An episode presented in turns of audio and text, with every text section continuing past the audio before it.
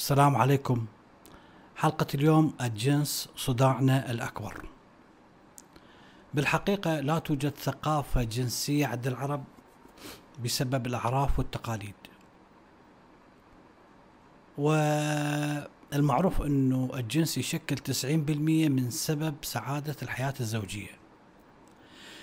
والحقيقة إحنا نعرف أيضا إنه الشرف عند العرب هو فقط في الأعضاء التناسلية، ليفعل الإنسان ما يشاء يبقى شريف، يسرق، يقتل، يرهب، أي شيء يعمل هو يبقى شريف، لكن الوقوف عند الأعضاء التناسلية هي هي الفيصل بين الشرف و واللا شرف. ثقافتنا ما تعلمناها من المدارس ومن الصحف ومن التلفزيون، ثقافتنا تعلمناها من الأمهات، من الآباء، تعلمناها من رجال الدين. وبدل أن الإنسان اللي يشكي أو المرأة زوج وزوجة اللي يشكون من مشاكل آه، جنسية يذهبون إلى طبيب نفسي لا مع ذلك أيضا يذهبون إلى رجل دين حتى يطرحون عليه مشكلة مشكلتهم وكأنه هو فرويد مو معمم. وهي بالحقيقة أيضا زايدة من عندي أنه أتكلم عن شخص زوج أو زوجة يذهبون إلى رجل إلى آه، طبيب نفسي. يعني في مجتمعات آه، لا زالت تبحث عن لقمة العيش ولا أمان ولا أمن. يعني فد شيء زايد من عندي أن أتكلم عن هذا بطر يعتبر ترف. والحقيقة بالإمكان أيضا مع ذلك أن شخص يسأل ال Google. ال Google هو طبيب موجود داخل بيتك مجاني ممكن أن تسأل عن كل شيء على الإطلاق. مثلا في مجتمعاتنا من الأعراف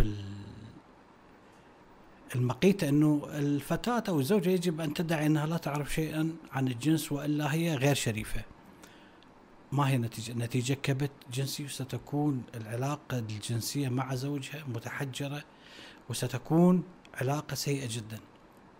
يتحدث الفيلسوف نيتش على نقص عن موضوع آه، يسميه عفة المرأة يتعلق بنقص التعليم الجنسي عند النساء والأثر النفسي السلبي عليهن. يقول هؤلاء النساء يفتعلن الخجل والتجاهل لكل ما يتعلق بالقضايا الجنسية كجزء من عفة الأنثى. من أجل تأمين أزواجهن رغم ذلك يتزوجن ويواجهن توقعات عن الحياة الجنسية دون أي تحضير والرجل هنا المشكلة الرجل الذي يحترمنه ويحببنه الآن أكثر يطلب منهن بالضبط ما تعلمناه سابقا باعتباره مبتذلا وغير مقبول. لاحظ؟ يعني والحقيقة أنا أحكيها بصراحة. الرجل فوق السرير بالفراش الزوجية يريد زوجته مايا خليفة ولا يريدها العالمة مدام كوري. هاي حقيقة. بالتالي مجتمعاتنا سيقتلها الإرهاب وسيقتلها الاستبداد إضافة للعيب. هذا العيب اللي راح يدمر شعوبنا بأكملها. حتى يعني مصطلحات عجيبة غريبة يعني ينحرج الزوج أن يسمي زوجته أو الابن يسمي أمه أو اخ الأخ أخته. فيطلقون مثلا بالعراق على اسم الزوجة يسموها البيت. قد يقول شخص مثل آه، البيت مريض وديت البيت إلى المستشفى. أو يسمي زوجته الأهل.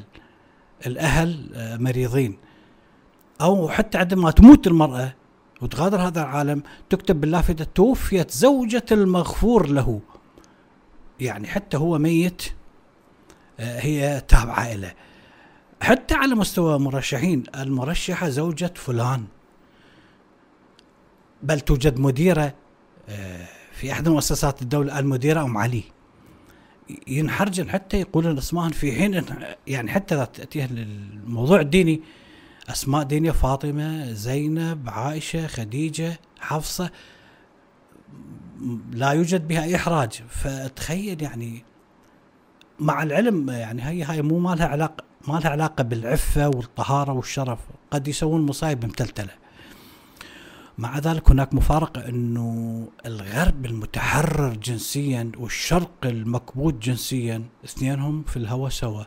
فرغم الحرية الجنسية الموجودة بالغرب هناك نفس البلاوي والمصايب اغتصاب جرائم جنسية اعتداء على الأطفال. طيب ما هي فائدة الحرية الجنسية إذن؟ هذا أيضا يعني فد شيء يقلق. مع ذلك في هاي الحياة الزوجية الزوج يريد حياة جنسية مثالية من الزوجة بسبب حسب اعتقادي الأفلام الإباحية اللي يشوفها. أفلام السكس هو لا يعرف أو يعرف أو يعرف ولا يريد أن يعرف إنه أفلام السكس هي آه، خدع. كل شيء متفق عليه من الإضاءة إلى الديكور إلى المكياج إلى الحركات. هن ممثلات أول وتالي. هي بالضبط هاي الأفلام الاباحيه مثل أفلام الأكشن والحركة. يعني لما فيلم أكشن سيارة تطير من هذا الجبل تذهب إلى ذاك الجبل أنت مستحيل تصدق هالشيء. طيب كيف تصدق إنه اللي دا يصير بالأفلام اللي شاهدها ممكن إن يصير بالواقع وممكن إن أنت تطلبه. مستحيل هذا الشيء يعني يدل على إنه إنسان آه، لا يدرك الفرق بين الواقع والخيال. وبكل الأحوال هو الزوج أنت مو أبو زيد الهلالي وتتمتع بقوة جنسية خارقة. خلف الله على الفياجرا اللي الغالبية العظمى آه، يستهلكوها من أجل أن تبقى فحولتهم بالتالي يبقى الزوج يبحث يبحث يبحث عن زوجة مثالية لأن موجد الأشياء اللي يشوفها بالأفلام الاباحيه مع زوجته فيعتبر الخلل بها. بالتالي يبحث عن امرأة أخرى قد يجد شقراء آه، ممتلئة آه، طويلة. يقول هي هاي المرأة المثالية. وإذا حظى بها أيضا بعد فترة لن يجد الشيء اللي يبحث عنه. قد يجد امرأة سمراء قصيرة وهكذا. سيقول هي هاي المثالية اللي أبحث عنها. وبالتالي لو يتزوج نساء مدينة كاملة لن يحصل على ما يبحث عنه. لماذا؟ لأن اللي يبحث عنه موجود فقط في خياله. مع العلم هناك دراسة تقول بالتحديد المصريين والعراقيين أن النساء العراقيات والمصريات يعانين من سرعة قذف أزواجهن. يعني الخلل كله بالزوج ومع ذلك تشوف العيوب كلها الزوج يطلعها بالزوجة. مع ذلك يعني تلاحظ مثلا جميلات السينما العالمية مثلا نيكول كيدمان وغيرها يطلقن يوم يومين ثلاثة يطلقن أنت تسأل بينك من نفسك كيف تطلق مثل هذه الجميلة المشهورة كذا كذا؟ هي امرأة أول وتالي وكل النساء يشابهن. أنت بالتالي تحمل بذرة فاسدة بعقلك وهاي البذرة آه ما تقدر تتخلص من عندها. مع العلم إنه الفرق بين الشرق والغرب إنه هناك قوانين هناك سياحة جنسية هناك آه حدود لكل شيء. أما في الشرق هناك أعراف. وبالتالي اثنين المضروبات عرض الحائط. عندما ناتي يعني نضعهن تحت مجهر الواقع. اللي دا يصير إنه شخصياتنا الحقيقية ما تظهر على أرض الواقع بسبب الدين بسبب العرف بسبب تقاليد الخوف وغيرها. ستظهر شخصياتنا الحقيقية في الفيسبوك عندما نضع صور وهمية وأسماء وهمية وبإمكان أي رجل بإمكان أي امرأة أن يفعل ما يشاء ويتكلم بحرية ويدخل إلى ما يريد وهكذا. حلقة اليوم راح أتدرج بها عن الفلسفة آه، عن الجنس في تاريخ الفلسفة. بالبداية تقول الأسطورة أنه كان الرجل والمرأة حالة واحدة. كائن قوي عنده رأسين أربع إيدين أربع رجلين. كان هذا الكائن المتوحد مغرور فتحدى الآلهة وأراد أن يحل محل كبير الآلهة اللي هو اللي هو زيوس. زيوس هماتين مسكت له إلزموا وقسمه نصين. فأصبح نص رجل والنص الآخر امرأة. وأصبحوا تائهين في الأرض وقضوا أو يقضي كل منهم كل حياته من أجل أن يبحث عن النص الآخر. البذرة الأولى لل للجنس حسب تتبع تاريخ الفلسفة نجدها عند أفلاطون فتأثر الموضوع الجنسي سلبا بالانقسام اللي أحدث أفلاطون حين فصل بين المادي وغير المادي بين الواقع والمثالي بين الجسد والروح. رفع أفلاطون من شأن الروح وكل ما يرتبط بها وحط وقلل من شأن الجسد وكل ما يرتبط به من دوافع من لذات من غيرها. نأتي إلى الرواقيين. الرواقيين اللي تفضل سيادة العقل على كل شيء اعتبروا لك العقل مهدد من قبل الغريزة الجنسية. نقفز إلى عصر الأنوار. توماس هوبز الفيلسوف توماس هوبز حاول تفسير طبيعة الرغبة الجنسية. حاول يفسرها ويميزها عن بقية رغبات الجسد الأخرى. فاعتقد بأنه اللذة الجنسية تتضمن شهوة سماها شهوة إرضاء الآخر. هاي الشهوة خاصة فقط بالجنس وليس في أي شيء آخر لا بالطعام ولا بالشراب. لماذا؟ لأنه مستحيل أنت تحاول إسعاد تفاحة وأنت تقضمها بينما تحاول أن تسعد امرأة وأنت تمارس آه، الحب أو الجنس. مع العلم إنه رغم إنه مرتبطة ببذل مجهود آه، كله في سبيل الآخر. مع ذلك هاي الرغبة في نظر توماس هوبز هي رغبة أنانية. لماذا؟ لأن جوهرها يتمثل في آه، ابتهاج شخص بامتلاكه. القدرة على إسعاد الطرف الآخر. فأنت عندما تمارس الجنس مع شريكك هاي أنانية لأن أنت تبتهج لأنك تمتلك القدرات اللي تجعل ذاك الشريك الآخر سعيد. اذا هاي راح تسبب سعادة في تحفيز القدرة على الجنس والاستمتاع كذلك بالجنس.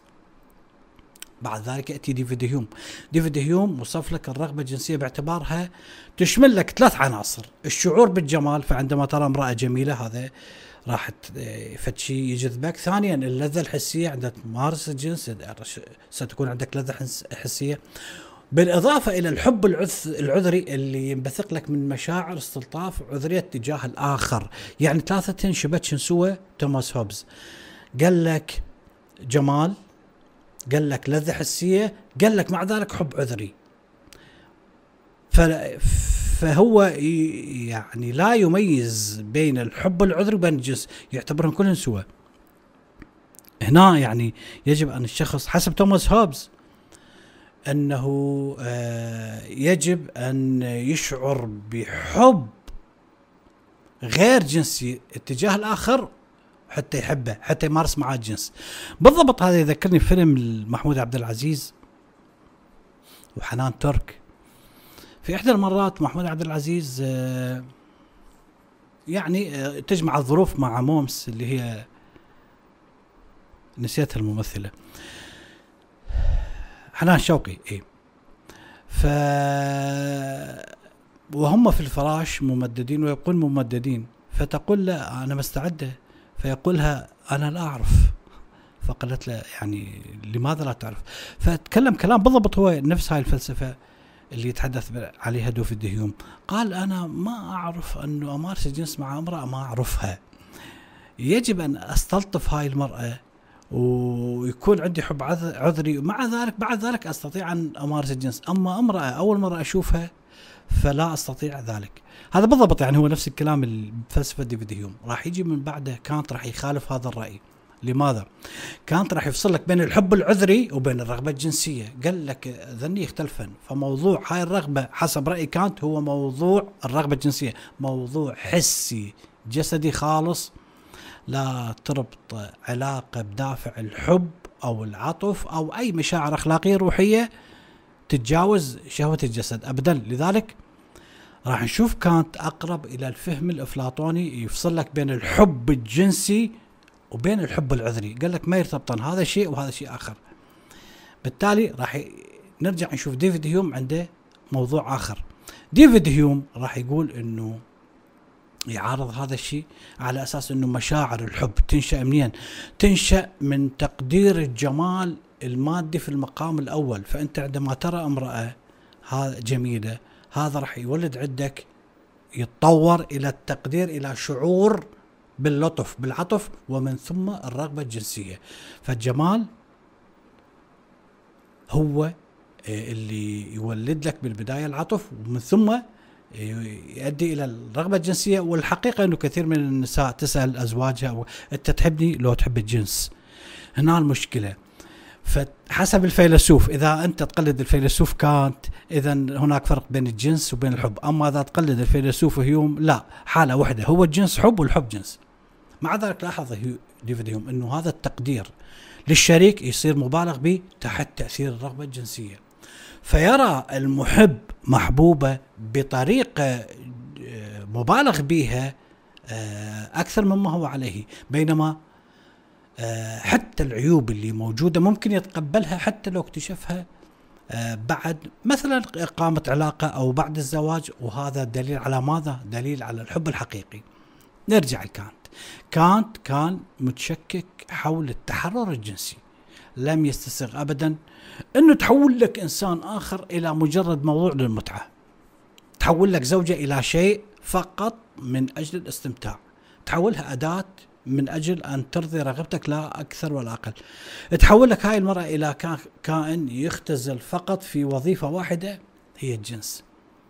فلا ترغب هذه المرأة لكونها إنسان عندها مشاعر وأحاسيس، لا ترغب فقط لأنها أداة للجنس، ماكينة للجنس ولا يكترث الرجل لذلك. لماذا؟ لأنه يرغبها فقط كموضوع للرغبة الجنسية ويمكن بعد ذلك أن تكبر أو بعد أن يمل من عدها أن ينبذها مثل البرتقالة الجافة أنكر الفيلسوف كانت الطبيعة الجنسية إلا داخل الزواج فقط حيث لا يمكن بسهولة استعمال الطرف الآخر كمجرد موضوع للمتعة فقط أو كمجرد شيء من الأشياء وذلك لماذا؟ لأنه يظل هذا الشخص شريك مع هذا الإنسان الشريك الآخر في هذه الحياة والجنس جزء من الحياة من الحياة لا يمثل إلا شيء بسيط من الحياة فلو كان البشر على سبيل المثال وهم نرجع الموضوع مع محمود عبد العزيز البشر لو أرادوا المضاجعة وبدون لطف بدون أي شيء ممكن أن يضاجعون توجد دمى في الصين يعني على شكل أمرأة ينفخها ويمارس الجنس معها بدون أحاسيس بدون مشاعر لكن هذا ليس جنس. فلا بد من وجود مشاعر وأحاسيس واحترام تحس بالآخر والآخر يحس بيك وهو شعور متبادل. وحتى في اللقاءات الجنسية المثالية يتوقف الشريك عن فعل آه، أي أمر يرفضه الشريك الآخر. لماذا؟ لأنه سيكترث برغبات شريكة باللي يطلبه والما يطلبه ما يعامله مجرد ماكينة جنسية لا أكثر ولا أقل. بينما الجنس العابر راح يغفل بأحد الشركاء تماما إنسانية الشريكة وهو أشبه بالاغتصاب. وهذا آه، يعني لا يقوم على الرضا ابدا. امراه تمارس معها جنس من أجل مادة لا أكثر ولا أقل. وهذا الشيء كان يثير استغرابي بحيث عندما كنا في الجيش عندما ننتقل من مدينة إلى مدينة الجنود في طريقهم يعرفون بيوت الدعارة وينزلون فقط بالشارع العام ينزل إلى بيوت الدعارة كيف كنت اسال أنت تمارس جنس مع امرأة قبل دقيقتين تعرفت عليها ماذا تتوقع؟ هل تتوقع ستبادلك حب، حنان، مشاعر؟ والحقيقة هنا تستحضرني قصيدة نزار قباني يقول: لا تغتصب المرأة اغتصاب هل ممكن أن تقرأ في كتاب حين يكون مغلق أمامك الكتاب؟ مع ذلك راح يحرص لك الفيلسوف كانت على الإرادة الحرة الزوجة حرة والزوج حر اثنيناتهم لأن دوافع الجنسية تهديد دائما للإرادة الحرة راح يأتون اثنين فلاسفة جيرمي بنتام وجون ستيوارت ميل هذول أصحاب مذهب اللذة. كل اللي يهمهم اللذة والمنفعة لا أكثر ولا أقل. حياتهم فلسفتهم كلها قائمة على مذهب المنفعة واللذة. رفضوا لك هؤلاء تأسيس أخلاق تقمع الجنس لا يوجد أي قمع للجنس واعتبروا اللذة بما فيها. طبعا اللذة الجنسية غاية قصوى للحياة لا أول ولا آخر. ومعيار للقيم والأحكام الأخلاقية. فلم يحطوا من شأن الجنس مهما كان هذا الجنس ورحبوا بأي نشاط جنسي طالما يوافق فلسفتهم اللي هي تحصيل أكبر قدر من اللذة ودفع الألم. لذة موجودة ألم ما موجود آه هاي لا مشكلة. فهذا الفيلسوف جيرمي بنتام وتلميذه جون ستيوارت ميل هم الفلاسفة الأكثر حرية في الجنس بناء على المذهب النفعي. واللي تبرر لك الأفعال اخلاقيا وفقا لما أحصل عليه من لذه ولما اتجنبه من ألم. وليس يقولون هناك طبيعة جوهرية خاصة أه تعبر عن أخلاقيات في الجنس. مع ذلك الفيلسوف جيرمي بنتام دافع لك عن المثلية الجنسية انطلاقا من قال لك إنه موافقتها للمبدأ النفعي. فهي مثل ما ذكرت لا توجد آه، طبيعة جوهرية للجنس تخص أي شكل من أشكال الممارسة الجنسية. حسب رايه لا يوجد حلال وحرام. جنس ما دام يوجد لذة ايا كانت. حتى بالتالي آه، عندما آه، لا توجد هكذا أحكام ما نقدر نتحكم في أخلاقياتها، لا توجد أخلاقيات في الجنس. لكن سيأتي فيلسوف روجر سكرتون. هذا الفيلسوف فيلسوف راح يدافع لك عن رؤية أكثر محافظة وأكثر مسيحية تجاه الجنس، تقوم على مركزية الزواج والإخلاص الزوجي.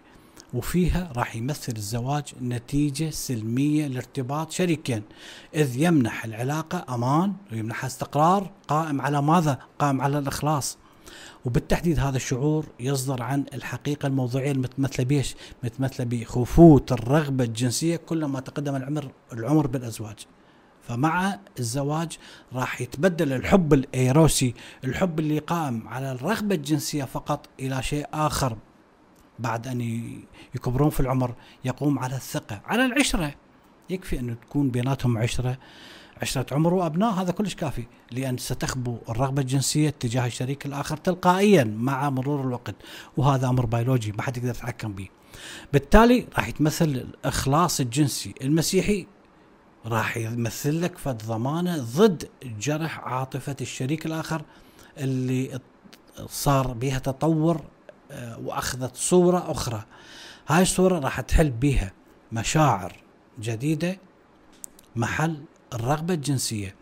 والحقيقة ذكر إنه في أيام الجيش والعسكرية كان هناك آه، جندي يعني في نهاية الحرب العراقية الإيرانية كان يتكلم يقول يعني آه، عندما أريد أن أمارس الجنس مع زوجتي زوجتي شريكتي آه، يعني الحقيقة آه، أنسى كل شيء و يعني مهما تطلب أنا أحقق هذا الشيء بمجرد أن أنتهي من العملية الجنسية أتمنى تعرفون ماذا أتمنى؟ قلنا له ماذا تتمنى؟ قال أتمنى أن يوجد أن يوجد قاضي في نفس السرير حتى أقول له طلقنا اثنيناتنا. راح نأتي إلى نقطة أخرى هو الفيلسوف كيغارد، كيغارد يوافق الفيلسوف توماس هوبز باعتقاده بأنه هناك أنانية بالرغبة الجنسية. أعتقد الفيلسوف كانت أنه كل لذة على الإطلاق تنبع منين؟ تنبع من شعور أناني هذا الشعور اللي ما ينمحي بالزواج بقدر ما يصل إلى ذروته لأنه يعمل الزواج كضمان للزوج وللزوجة بأن شريكة سيظل موجود دائما من أجل إشباع رغبته الجنسية.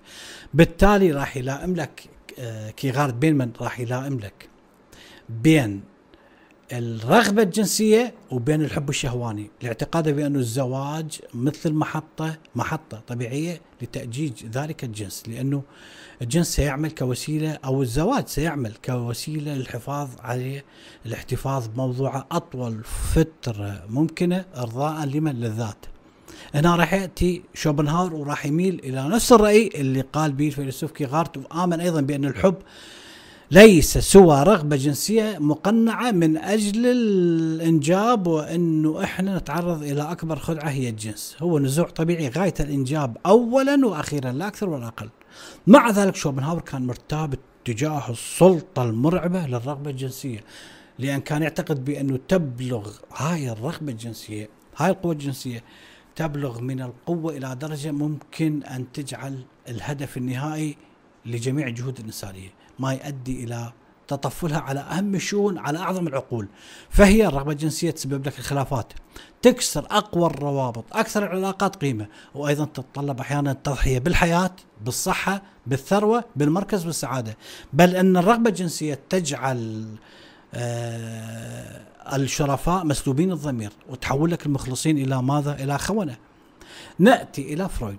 الفيلسوف فرويد هنا راح يوحد لك كل غاية وموضوع الغريزة الجنسية بطريقة تجعل عدد مواضيع الجنس لا تنتهي ابدا بمعنى بمعنى أنها غير مقيدة بالموضوع الأساسي وهو الجسد، الغريزة الجنسية غير مقيدة بالجسد أو بالحضور الفعلي للجسد.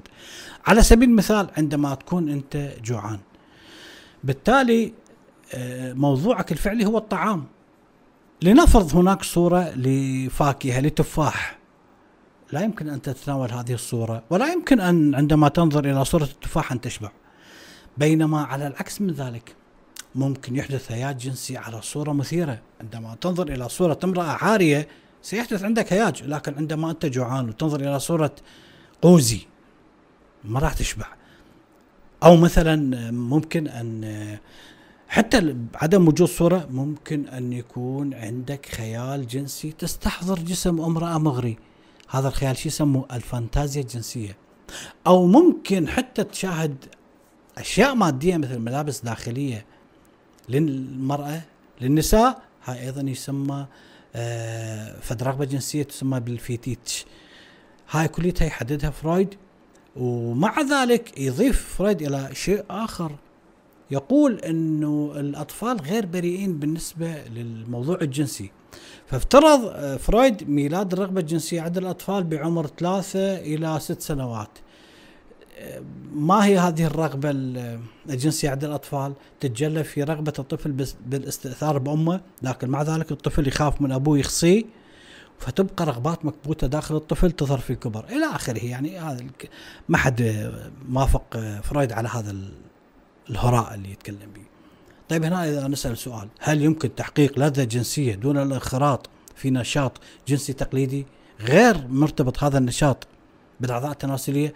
يجاوب فرويد أيضا يقول إنه كل أجزاء الجسد هي عبارة عن تحقيق اللذه الجنسيه.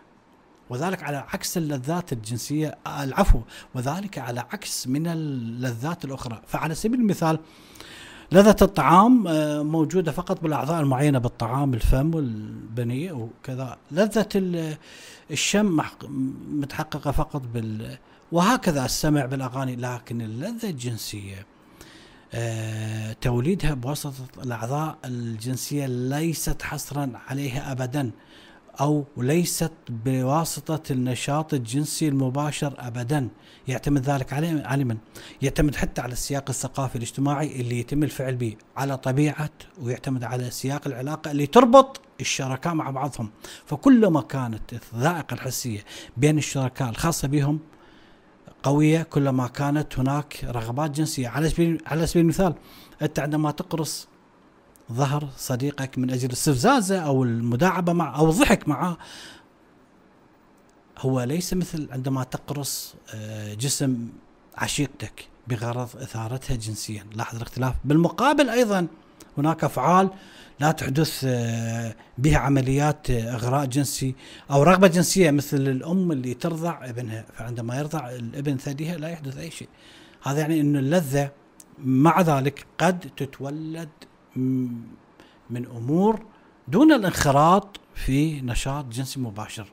فأنت مثلا عندما تتحضر للعشاء على سبيل المثال ومنتظر شريك جنسي تمارس معاها الجنس مجرد تحضير العشاء كذا وغيرها وهذا الانتظار هو عبارة عن لذة جنسية. ممكن تقرأ قصة جنسية مثيرة هذا أيضا يحقق لك موعد مع شريك جنسي أيضا يحقق لك هاي الأمور كلها هاي النشاطات العادية اللي يصاحبها خيال أو يصاحبها وله جنسي سواء كانت متخيلة أو حقيقية هي كلها إثارات جنسية. لكن هذا بالضبط لا يعني بالمقابل إنه فصل اللذة الجنسية عن الأعضاء التناسلية ابدا. فكل السلوكيات المثيرة هي مثيرة بالمقام الأول نظرا لأنها تستثير تلك الأعضاء. ولا معنى لأي لذة على الأعضاء الأخرى إلا في صالح استثارة وتوليد لذة للأعضاء التناسلية لا أكثر ولا أقل.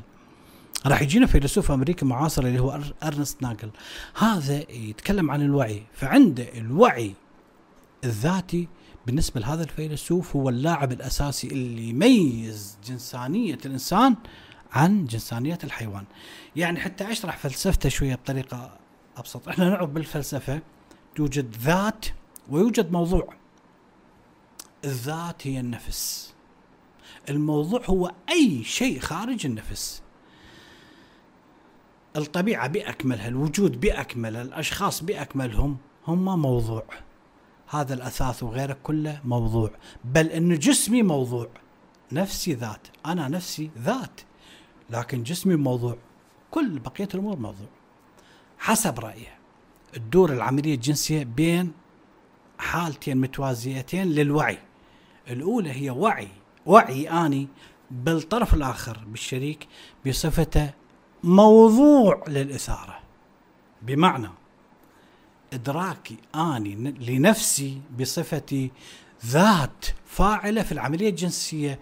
ترى في الشريك ترى في الطرف الآخر موضوع أداة لتحقيق متعتها متعتي. أداة لتحقيق المتعة. في حين تمثل الحالة الثانية العكس من عندها بمعنى تشير إلى أنه وعي بذاتي بصفتها موضوع أداة لتحقيق متعة الطرف الآخر. وليس أنا متعة الطرف الآخر. موضوع يسبب إثارته. هاي الإثارة اللي تظهر عليه على الشريك بالإيماءات بالملامح الجنسية كل هذه الأمور هي عبارة عن إثارات جنسية وكلما اتضح وعي أنا بأني استثرته أو سببت إلى بقدر من المتعة راح تتضاعف استثارتي بدورها يسمي الفيلسوف ناقل هذا يسميه العملية يسميها الاعتراف الانعكاسي المتبادل. أيضا كان عندنا في العسكرية أيام نهاية الحرب العراقية الإيرانية يعني نائب ضابط كان يتكلم عن العملية الجنسيه فكان يشكي يقول عندما مارس الجنس مع زوجتي تغطي وجهها بالفوطة، الفوطة هي شيء أشبه بالحجاب، أي حجاب هي. تغطي وجهها، بالتالي يعني لاحظ هذا المسكين كان يشكي وكذا، نائب ضابط آخر كان مرح إلى درجة ورجل منكت جدا. هذا كان يقول إنه زوجتي ما تقبل تمارس الجنس معي إلا مقابل مادة. اطلاقا إلا مقابل مادة آه، تمارس الجنس. غيرها ما تقبل. فيقول إنه كنت عندما أعطيها الأموال آه، هو يوجد جنس، لا توجد أموال لا يوجد جنس، لاحظ الوعي ولاحظ الذات ولاحظ الموضوع. حتى إنه كنا نقول له قسم المرتب على يعني كل يومين ثلاثة أعطيها جزء، قال نعم أعطيها جزء بسيط ولكن بعد دقيقتين تقول آه، فضني خلصت. بينما آه، يقول إنه أحد المرات أعطيتها الراتب كله دفعة واحدة. وشربت حبة فياجرا من أجل أن أسلط. يقول طبعا هذا المثل له علاقة بال اللي عن الوعي والذات اللي ضربه الفيلسوف إرنست ناجل. فيقول شربت حبة فياجرا وردت السلطن واعطيتها الراتب بأكمله، قلت إنه أريد بهذا اليوم يعني أعيش حالة نشوة جدا طبيعية. يقول أثناء العملية الجنسية وأنا أمارس العملية الجنسية وهي تحسب بالنقود. وفي كل مرة تخطأ وهي تحسب بالنقود. لاحظ الفرق. لا توجد أي عملية استثارة بالموضوع. هذا ماذا يسمي؟ هذا نسميه انحراف النشاط الجنسي حسب الفيلسوف ناقل. هذا فشل بالاعتراف المتبادل لماذا؟ لأنه راح يتوقف النشاط الجنسي عند المرحلة الأولى لإدراك الآخر كموضوع فقط أنه النائب ضابط هو يدرك ذاته ويدرك الموضوع بينما يعجز زوجته يعجز الشخص الآخر أو لا ترغب في إدراك نفسها بصفتها موضوع لإثارة شريك أبدا في حالة مقاربة للمثل اللي ضربته الآن يوجد شخص أيضا يحب أن ينثار ولا يثير. ماذا يسميه؟ يسموه المتلصلص. هذا المتلصلص اللي يعجز عن إدراك نفسه على اعتباره موضوع للإثارة. ممكن أن يثير الآخر الشريك الآخر المرأة ويفضل دائما أن يكون مستثار من بعيد دون أن يخاطر باتصال جنسي مباشر. هذا يحوله آه إلى أنه فقط هو يستثير ولا يثار يعني حتى أعرف آه، نعرف هذا المثل بطريقة أفضل. يوجد فيلم لستيفن سبيلبرغ اسمه أكاذيب جنس أشرطة فيديو. بطل الفيلم شاب كل علاقاته الكثيرة مع نساء كثيرات إنه يجلس معاهن ويصورهن برادتهن طبعا ملابسهن ويسألهن أسئلة جنسية عن عمليات عن كم مرة تمارسين جنس مع زوجك باليوم الطريقة اللي تمارسين وهكذا كل هاي الخصوصيات الدقيقة جدا يبقى يسألها ساعة ساعتين وكذا وهن يجاوبنا ويكمل أشرطة الفيديو.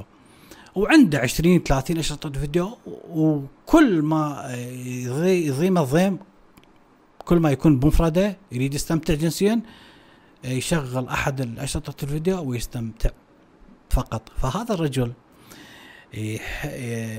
ممكن نسميه المتلصلص اللي يحب أن يثار ومع ذلك لا يستثير. راح يأتينا فيلسوفة جانسين مولتون. راح توضح لك هاي الفيلسوفة إنه يوجد نمطان من السلوك الجنسي اللي هم الترقب والإشباع. الترقب هي تتركز باللذة الجنسية في محاولة الإنسان أو الشريك العثور على شريك جنسي جديد والتقرب منه ومغازلته وإغراءه بينما نمط الإشباع هي تتركز على ماذا تتركز فقط على الاتصال الجنسي المباشر. ولذلك ممكن اعتبار الحيل الجنسية المداعبات سيناريو معد مثلا للجنس كما موجود في الأفلام الأجنبية اللي يكلبش نفسه بقريولة بالفراش أو اللي يستخدم أدوات غيرها. هاي كلها وسيلة لكسر الروتين. من أجل اختراع نمط ممكن أن يثير الأزواج. لذلك النتيجة ستكون مضاعفة اللذة بين الشركات بين الشريكين هاي اللذة اللي ناتجة عن المغازلة عن الانتظار عن ايماءه الأغراق في وقتها أيضا ونحن مجموعين في العسكرية آه كنت أشرح لهم يعني عن آه فرويد وماذا يقول والجنس وكذا وأنه الزوجة يجب أن تحتوي على يعني عندها تكون قابلية للمداعبة للكذا من أجل استثارة الزوج، أحدهم قال لي يا أحمد ماذا تتكلم؟ أنا متزوج من كيس طحين. كيس طحين أقل بيقلبني هو كيس طحين، ارفعه أنزله هو كيس طحين. بالتالي راح هنا نقصد إنه الإحساس اللي راح يتولد عن المداعبات عن الايماءات عن التلميحات سيكون إحساس مبهج ولذيذ على العكس من عنده حين يكون الأمر فقط مرضي في حالة نمط الإشباع مثل العلاقة الروتينية بين الأزواج. في كتابة العلم المرح الفيلسوف نيتش ينقل شعور من القلق للمأزق اللي تجد النساء أنفسهم به مكشوفات لأول مرة في علاقة جنسية كنتيجة للتعليم والثقافة اللي ما حصلوا عليها. يوضح نيتشه إن كلا من النساء والرجال بحاجة إلى تعليم جنسي أفضل بالنسبة لطبيعة العلاقة بين الرجال والنساء يقول إن الرجل يخلق لنفسه صورة امرأة والمرأة تشكل نفسها وفقا لتلك الصورة التي خلقها الرجل ورغم أن نيتشه واثق أنه كثير من النساء راح يحطمن هاي الصورة لكن مع ذلك يقول أن النساء في كثير من النواحي يخضعن لأدوار معينة في الحب وهن في حاجة إلى تمثيل شخصية يمثلا لا أكثر ولا أقل من أجل الفوز بحب رجل. طبعا لهنا انتهت الحلقة لكن يحتاج أنا ما ذكرت نيتشه كثيرا لأن نيتشه راد له حلقة كاملة واحدة. احتمال الحلقة القادمة أو بعد حلقات راح أذكر رأي الفيلسوف نيتش بالجنس. شكرا لكم.